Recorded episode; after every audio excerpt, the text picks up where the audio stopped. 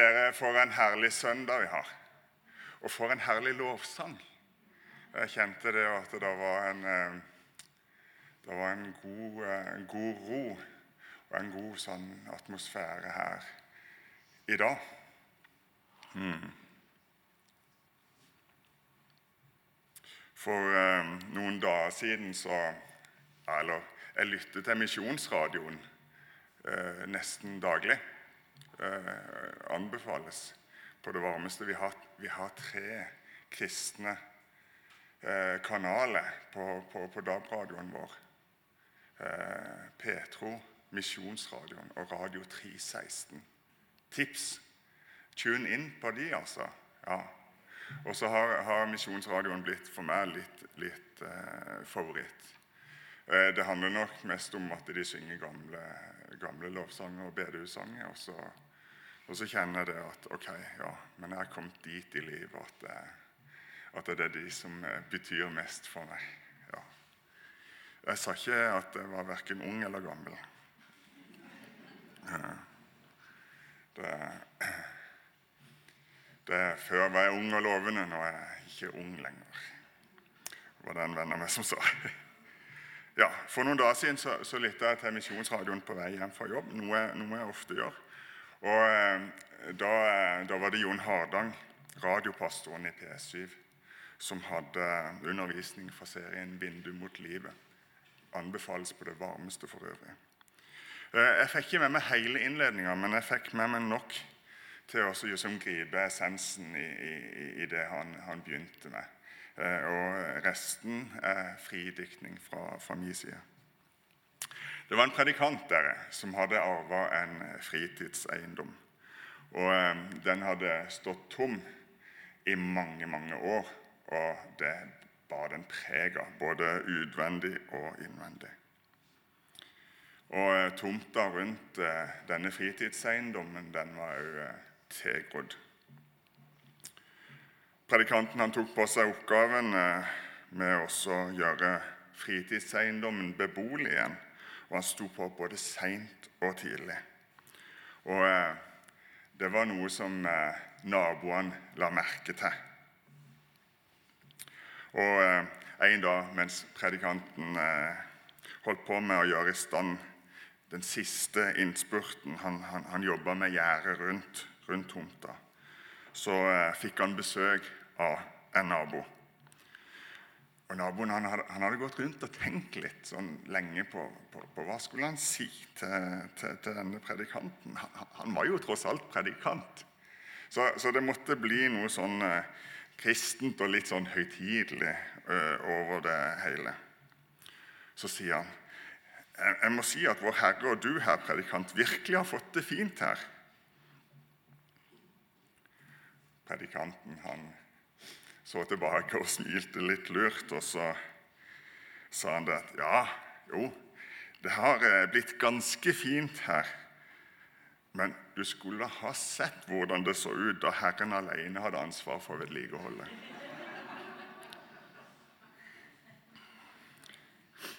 Eh, eh, det ligger sånn et lite snev av en sannhet her i denne, i denne historien. Eh, og, det er dette. Og ta, dere, eh, ta, det med dere i dag. Altså at Gud, han holder fast. Gud, han er avhengig av oss mennesker. Han er avhengig av oss for at evangeliet skal nå ut.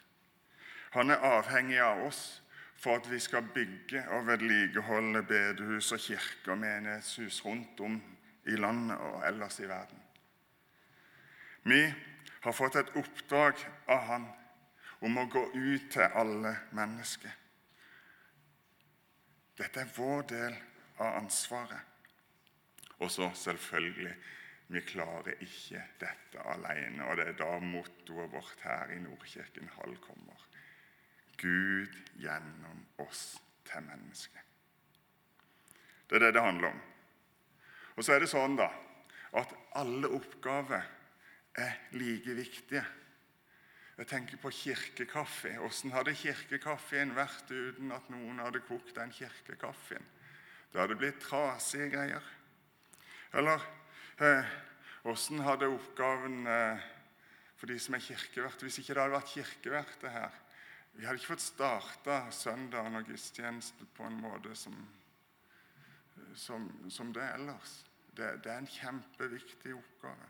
Og disse stolene som står her, de, de detter ikke på plass på forunderlig vis helt på egen hånd. Eh, jeg kunne ha holdt på sånn i, i, i hele formiddag, tror jeg. Altså, Alle sammen, alle dere som er her, dere er en viktig brikke i å bygge Guds rike. dere.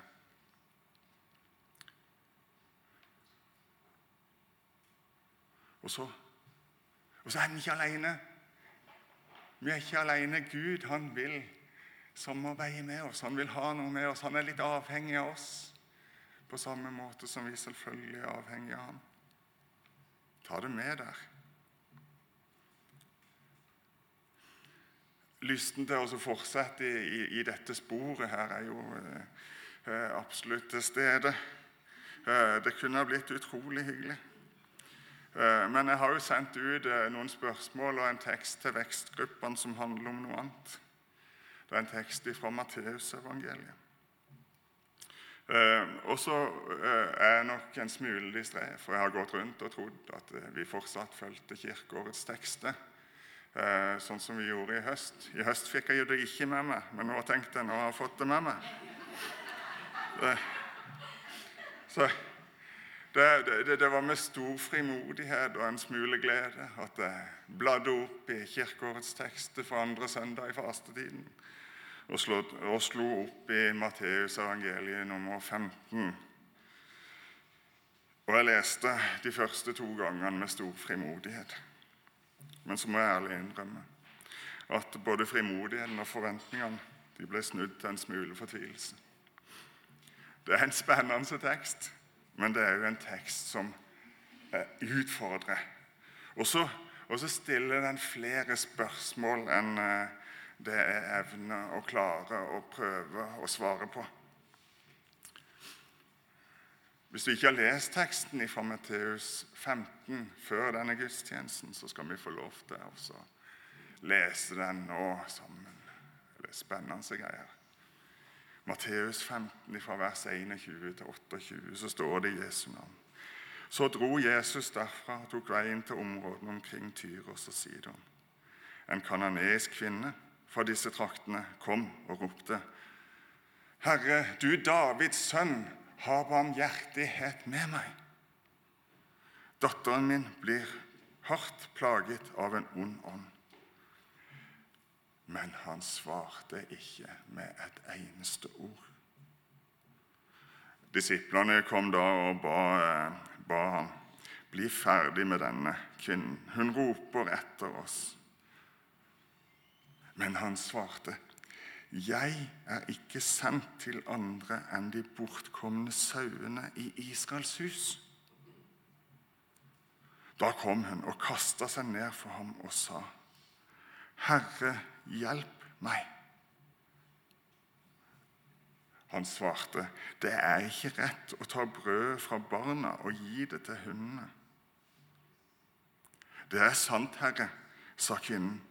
Men, men hundene de spiser jo smulene som faller fra bordet hos eierne deres. Da sa Jesus til henne, 'Kvinne, din tro er stor.' Det skal bli som du vil. Og datteren ble frisk i samme stund. Amen.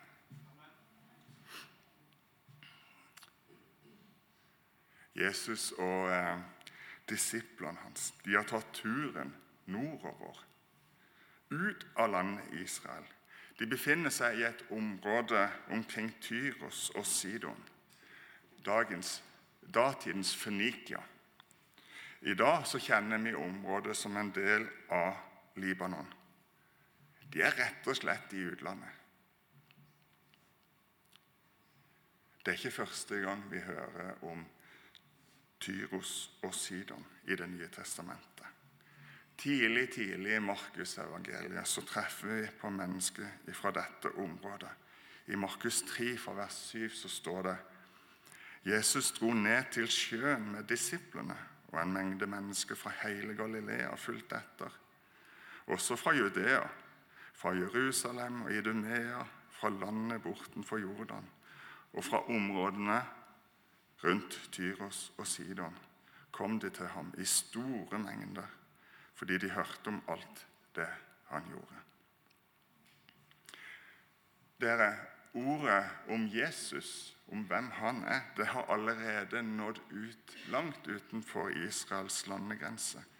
Og folket de strømmer til fra alle kanter for å møte og lære av Jesus. Jeg er ganske sikker på at denne kanoniske kvinnen har hørt om Jesus tidligere. Og nå, nå er det endelig hennes tur til å få møte ham. Og så har hun en større agenda enn bare å møte ham. Og det skal jeg snart komme tilbake til. Det står at denne kvinnen er kananeisk. Hva betyr det? Det betyr at denne kvinnen hun er ikke jøde, og hun hadde trolig ganske blanda følelse overfor en jødisk rabbi.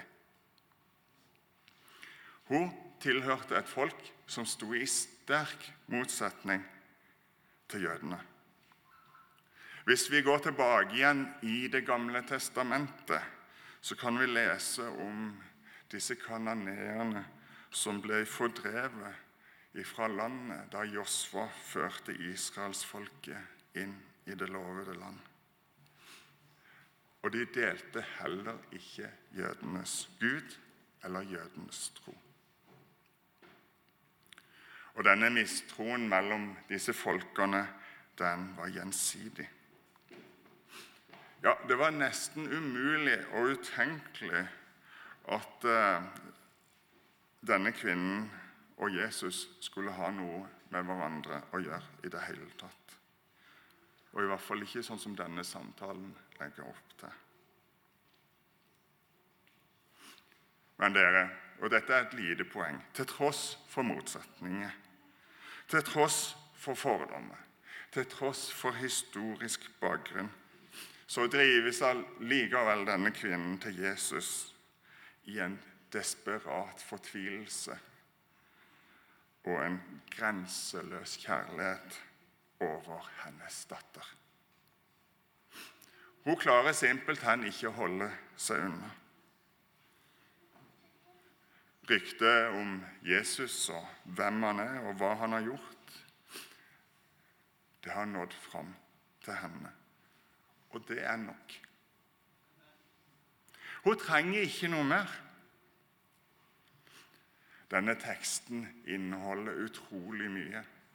Eh, men aller mest for meg når jeg satt og leste dette, så, henne, handler den om en grensesprengende og utholdende kjærlighet. Og den handler om Jesu grensesprengende ettergivenhet i kjærlighet. Den handler om en grenseløs fortvilelse og at hun ikke klarer å holde seg borte. Eh, når hun roper til Jesus, så titulerer hun han med 'Herre, du Davids sønn'. For, for meg så viser det meg at hun, hun vet godt hvem Jesus er. Vi finner denne beretninga hos eh, evangelisten Markus òg. Matteus han kaller underet for en helbredelse. Mens Markus han skriver om onde og urene ånder i eh, Markus 7. Men det, det, det, som, som, det som, skiller dette, dette under, denne helbredelsen, litt fra, fra andre underhelbredelse, er det at eh, den syke er ikke til stede. Det er den sykes mor det er mammaen hennes som kommer, og så går hun i forbønn for sin syke datter. Vi, vi har rett og slett med et, med et fjernunder å gjøre. Og det er Jesu ord alene som helbreder. Et barn som er en hedning, og som sjøl ikke er til stede når ordene tales, blir frisk i samme sekund.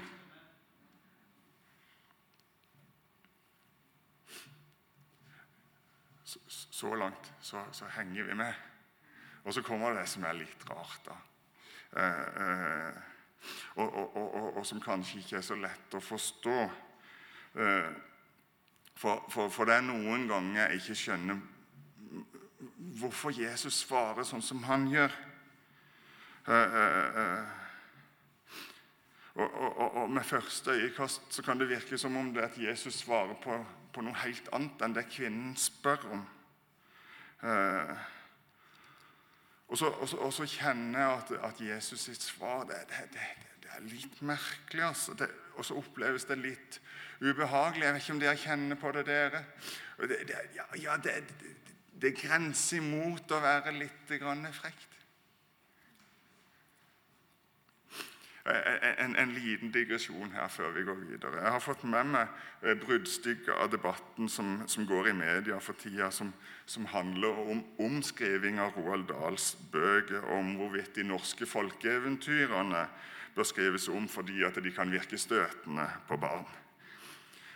Nå skal jeg heldigvis ikke gå inn på noe av dette, men jeg takker og priser meg lykkelig for at de ikke har lest Bibelen.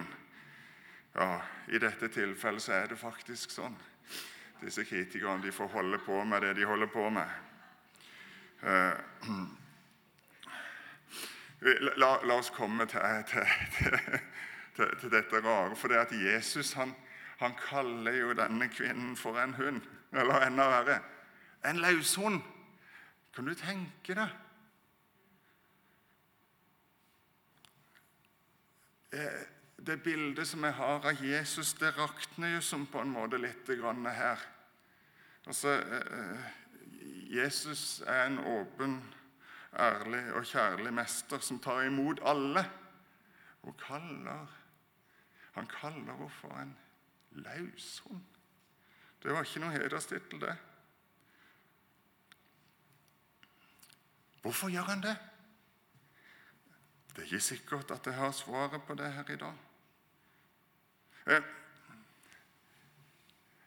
Si meg, har Jesus en dårlig dag på jobben, eller? Eller, eller ligger det en skjult agenda bak?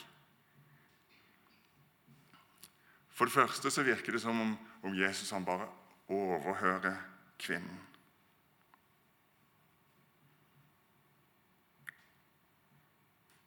Deretter så sier han at oppgaven hans eh, Den er overfor jødene, ikke for hedningene. Altså, Ikke bare er hun løshund, hun blir avvist ganske grundig. Henger det med?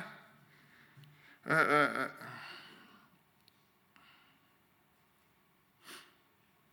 Jeg tror, og det er litt viktig å få med seg dere, at, at vi vet hva som skjer i påska. Det vet ikke verken disiplene eller denne kvinnen på dette tidspunktet. Og eh, jeg tror litt av forklaringa ligger her. Disiplene som er blitt ganske så brydd, ber Jesus først hjelpe kvinner, sånn at de skal liksom få sendt henne av gårde. Og eh, Jesus han svarer, 'Jeg er ikke utsendt til andre enn de fortapte får av Israels hus.' Vi har eh, tilsvarende eh, ord tidligere i Matteus evangeliet. Og Da henvender han seg til disiplene sine. Gå ikke på veien til hedningene, og gå ikke inn i noen av de samaritanske byene, men gå heller til de tapte får av Israels hus. Det er litt underlig, dette her. Eh, og, og, og, og, kanskje er det fordi at vi sitter med den kunnskapen om misjonsperspektivet. Den er klart for oss. Eh, vil ikke Jesus, Jesus at hans ord skal bli kjent også for hedningene? Jesus skulle først tale evangeliet til jødene. I romerbrevet heter det i Romerne 1,16 så heter det 'for jøde' først. Men så kommer det at etter hans oppstandelse så skal budskapet om Jesus fortelles og forkynnes til alle folkeslag. Og selvfølgelig også for kanoneerne. Guds ord er blitt forkynt gjennom 2000 år. Det har nådd oss her i Mandal, det har nådd oss her i Nordkirken Hall. Vi får ta del i Hans ord her. Jeg er så glad det ikke stoppa med jødene, men at vi har fått del i evangeliet. Kanskje så var det sånn at, eh, at Jesus tenkte i situasjonen at hvis han hjalp denne, denne kvinnen, så måtte han bruke sin tid på folket. Dilemmaet var kanskje det hva skal, jeg, hva skal jeg bruke tiden min på? Det er ingen tvil om at det var rett og godt å hjelpe kanoneerne. Men det kunne være til hinder for det nødvendige å gi evangeliet til jødene først. Vi ser før og etter oppstandelsen.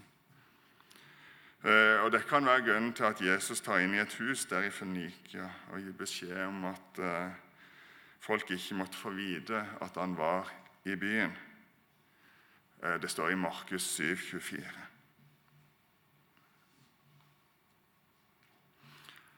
Jesus har alltid en grunn til å gi sine svar. Han har en hensikt med måten han opptrer på. Jeg tror ikke han hadde en dårlig dag på jobben. Men jeg tror at han vil teste denne kvinnens tro. Jeg tror han vil se om kvinnen ga opp med første avvisning. Jeg tror han vil teste om troa hennes var såpass fokusert på ham at eh, hun ikke ville gi opp. Dette ivrige og nærmest desperate ropet på Jesus finner vi òg Eh, tankene mine gikk med en gang til Jeriko, til den blinde Bartimeus, som roper ut i sin nød til Jesus uten å få oppmerksomheten hans på første forsøk. Kvinna hun opptrer litt på samme måten. Hun kjenner håpet. Dette er hennes mulighet. Aldri i livet om jeg slipper den nå, Jesus. Hun har bitt seg fast i håpet, i troa på at Jesus, Jesus han kan helbrede datteren hennes.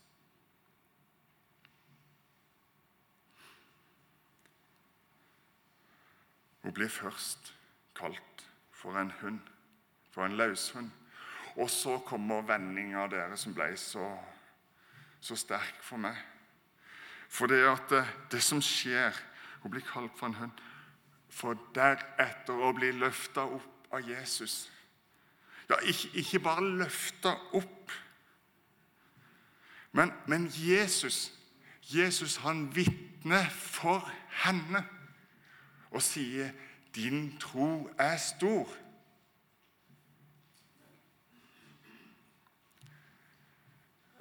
Jeg kjenner det at det, det dunker ekstra. Og så, og så kommer utfordringene igjen med en gang. For hva, hva, vil det si å ha en stor tro? Finnes det stor tro? Altså Jesus sier at det finnes stor tro. Så, ja, den, den finnes. Men, men, men, men, hva er da eventuelt tegnet for en sånn en stor tro? Ja, nå er dere spente, tenker jeg. Ja, ja, da er jeg fortsatt vågne. Det er bra. Ja. Når troa har riktig retning mot Jesus, da er det ei tro som er stor. Tro, det er å komme til Jesus med absolutt alt som jeg har i livet mitt. Og så er tro Det tro er misjonsprosjektet. Det er ikke å peke på meg, men å peke på Han. Det er det det handler om. Vi skal peke bort fra oss sjøl. Det er Han og bare Jesus Kristus og Han alene som skaper tro.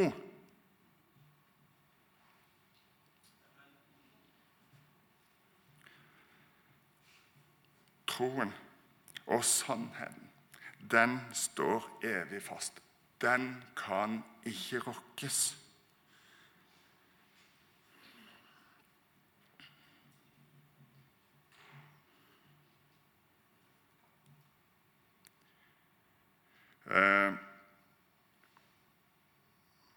Det er en annen ting som jeg har lyst til å dele med dere, som ble lagt med på, eh, på minnet her i dag. Og, og, og eh, ja, Unnskyld. Jeg må spole litt tilbake. Jeg hadde snudd arket. Nå, nå er vi her. Eh,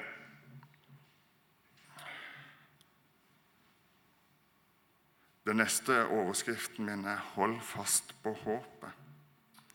Jeg, jeg, jeg, tror de fleste av oss, meg sjøl inkludert, og alle dere som er her i dag, opplever perioder i livet hvor vi syns at Jesus er forbaska stille.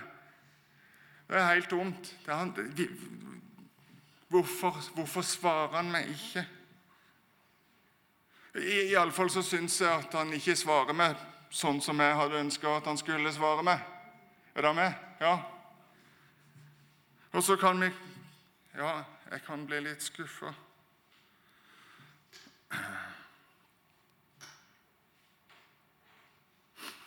Hvorfor er denne historien tatt med i Bibelen? Jeg tror at han er der fordi at Jesus ønsker å være der for alle som tar imot ham.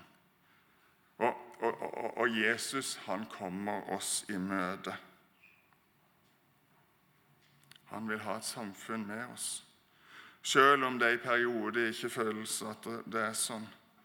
Når, når alt du som blir stille fra Guds side, når vi føres inn i en eh, åndelig ørken, når vi famler for oss å finne igjen håpet, eller når skyene henger tungt over tilværelsen, så har Gud alltid en utvei. Gud han har lovet, og han lover hver og en av dere, han vil ikke slippe hånda di. Han vil alltid gi deg en utvei. Han vil aldri forlate deg. Det håpet og den troa, den tviholder jeg meg fast i, spesielt på de dagene hvor jeg føler at Gud er langt borte.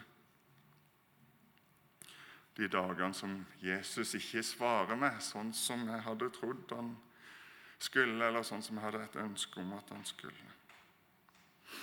Og da da blir denne historien om den kanadiske kvinnen en viktig historie, en historie om tro til inspirasjon.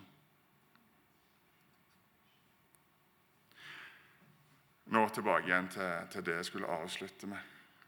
Eh, eh, tilbake igjen til Misjonsradioen.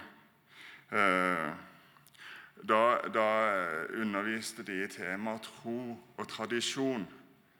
Eh, nå kunne jeg ha brukt hele, hele undervisninga i dag på, på, å tale om tro og tradisjon, men jeg må ta med et lite, kort stykke om det.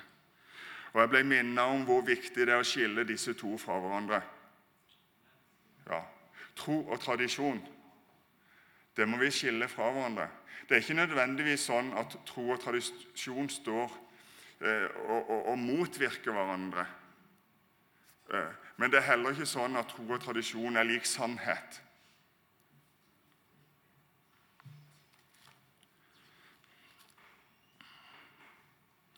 For troa Og sannheten, den står evig fast.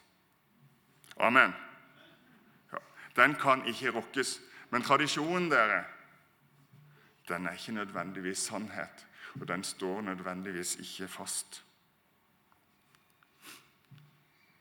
Det er så viktig dere, å være klar over forskjellen. Og det er min utfordring til dere ut i den uka som ligger framfor oss. Prøv om tradisjonene som vi holder, om de holder mål. Og sannheten, den finner du i Guds ord. Peker Guds ord og tradisjon i samme retning? La oss be. Kjære Jesus, takk for ordet ditt til oss i dag. Takk for at du alltid har omsorg for oss, sjøl når vi på en måte kjenner oss, oss litt alene og forlatt. Takk for at du aldri forlater oss, for at du holder oss fast i din kjærlighet. Takk for menigheten her i Nordkirkenhallen. Takk for de som kom her i dag for første gang. Jeg ber om at alle de som er her i dag, skal finne sin plass her, Jesus. Bevar du oss i troa og i sannheten og i ordet, som vi kan stå fast i det når utfordringene bygger seg opp. Kjære Jesus, takk for at du er her sammen med oss i dag. Amen. Nå eh, skal vi sammen lytte til en fantastisk eh, sang som eh, Jeg tror det er David André Østby som har skrevet den. Det er i hvert fall han som fremfører den. Eh, og eh, sangen heter 'Alle dine dager'. Jeg håper den kan være til oppmuntring og velsignelse for denne, denne uka som vi står framfor.